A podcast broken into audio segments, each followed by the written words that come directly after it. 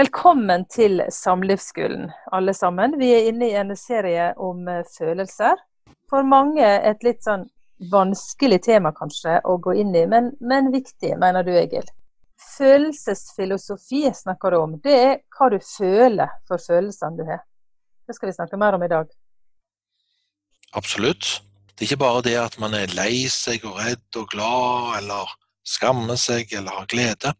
Det, det er akkurat som det er noe litt mer dypereliggende som er viktig i forholdet til egne følelser. Det er hvordan forstår jeg følelser, og hva er oppgaven når jeg har følelser. Og Dette lærer man jo gjerne når man er liten. Og Forrige gang så var vi inne på at noen i møte med sinne så blir de redde eller leier seg. Eller i møte med tristhet så blir man helt hjelpeløs, man vet ikke hva man skal gjøre så man trekker seg unna. Og Det har vi hørt helt andre historier om at liksom, når jeg fikk kreft, så begynte folk å skifte side av gaten når de så meg. Folk aner ikke hvordan de skal forholde seg, det blir for vanskelig, så trekker de seg unna. Det, Når man vokser opp, så er det en måte å hva skal man si, hermetegn, overleve av barndommen på, med og uten hermetegn.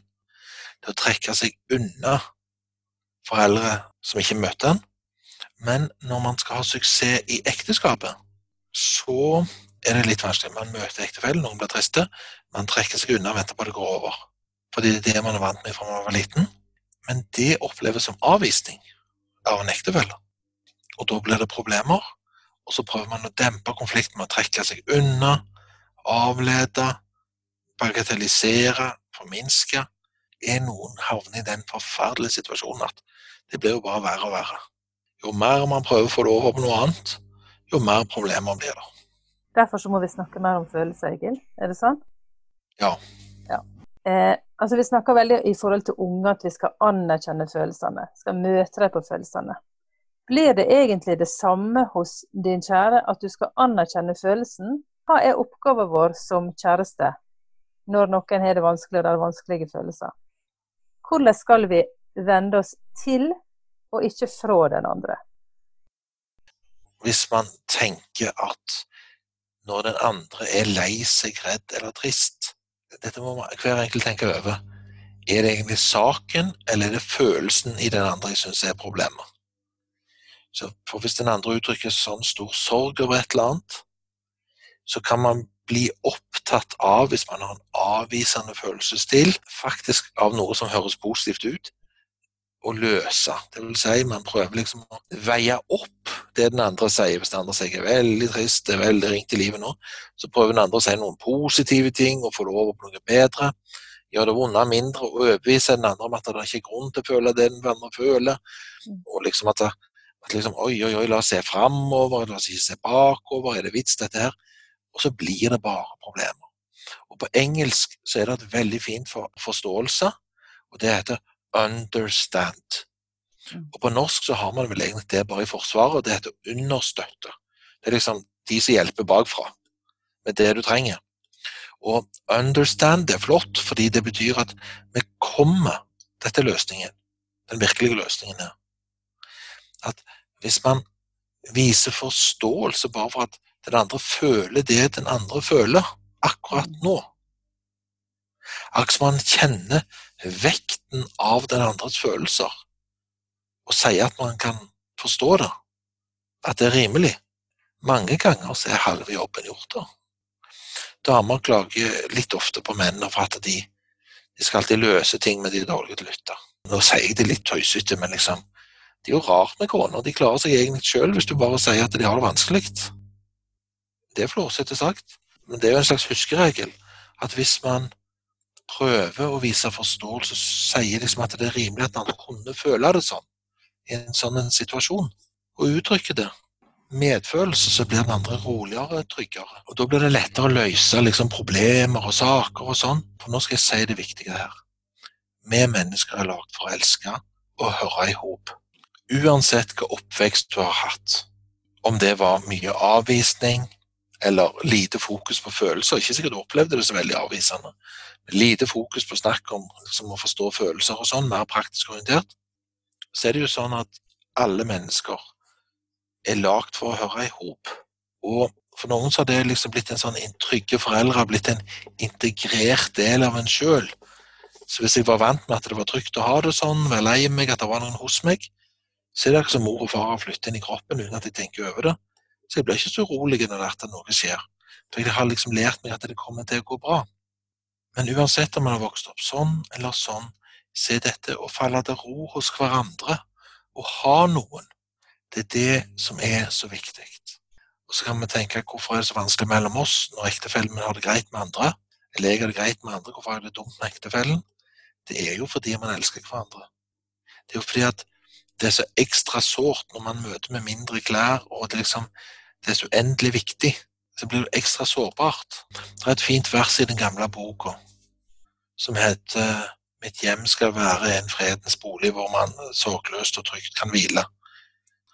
Og sånn er det jo egentlig med hjertene våre som, som, som, som ektefeller òg. At det viktigste eh, ei kone Dette får jeg si til mennene, da. Viktigste ei kone trenger å føle, er kanskje det at når hun sier noe,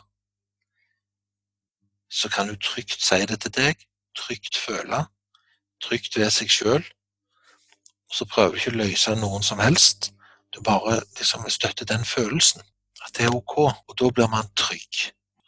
Og Det merkelige da, det er jo at mange problemer blir lettere å løse etterpå.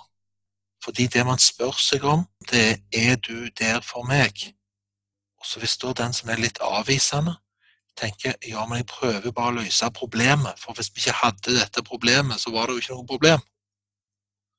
Og så sitter den andre og sier 'ja, men du hører ikke på meg, du hører ikke på meg. Så blir begge mer og mer fortvila. Men ofte så er det mer suksess å forholde seg til at noen andre er veldig emosjonell, og bare forholde seg til at hva er det den andre føler? Hva er det som er så vondt for den andre? Og uttrykke at man oppfatter hva, hva det er som gjør den andre så vondt. Ikke løse en prikk. Hvorfor skal man lytte til en følelse når problemet ikke er løst. Sånn, man kan jo spørre seg om det. Hvorfor kan ikke, Hvis vi løser problemet du sier du har, så har du jo ikke den følelsen. Ja, sånn kan man tenke. Men når du lytter til følelsen, hør nå etter, for det er da vi havner i barndommen og alle ting. Hvis noen bare kan tåle meg når jeg føler Det, det starter fra fødselen av. Kan du tåle meg når jeg føler? Hva skjer hvis jeg viser fritt mine følelser, som om jeg kunne være trygg hos deg? Er det da rom for meg? Tar du på vei, eller vil du fortsatt være med meg? Erfarer jeg møte med deg at liksom at samme hva jeg føler, så er du ok?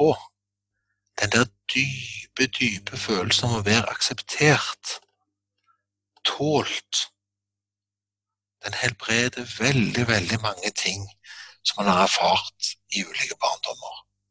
Så når en mann blir opptatt av å løse at hun har konflikter der og der, eller syns det er vanskelig sånn eller sånn, så er det liksom litt vanskelig å komme på. Men det som er det viktigste, det er du er trygg hos meg. Det er egentlig det du vil si ofte. Hva du enn føler. I love you. I will stand by you. Det er lett å glemme midt i all slags praktiske løsninger. Hvis det er det man har lært når man var liten, at man må bli handlingsorientert og praktisk. Men det som bringer mye ro, det er dette. Du er trygg hos meg. Uff, så vondt du føler det. Jeg kan tåle, jeg kan holde, jeg kan være hos deg. Ikke løse, men støtte på følelsen. Det tar vi med oss fra denne episoden, Egil. Veldig, veldig fint. Blir det mer følelser neste gang? Anne Birgitte.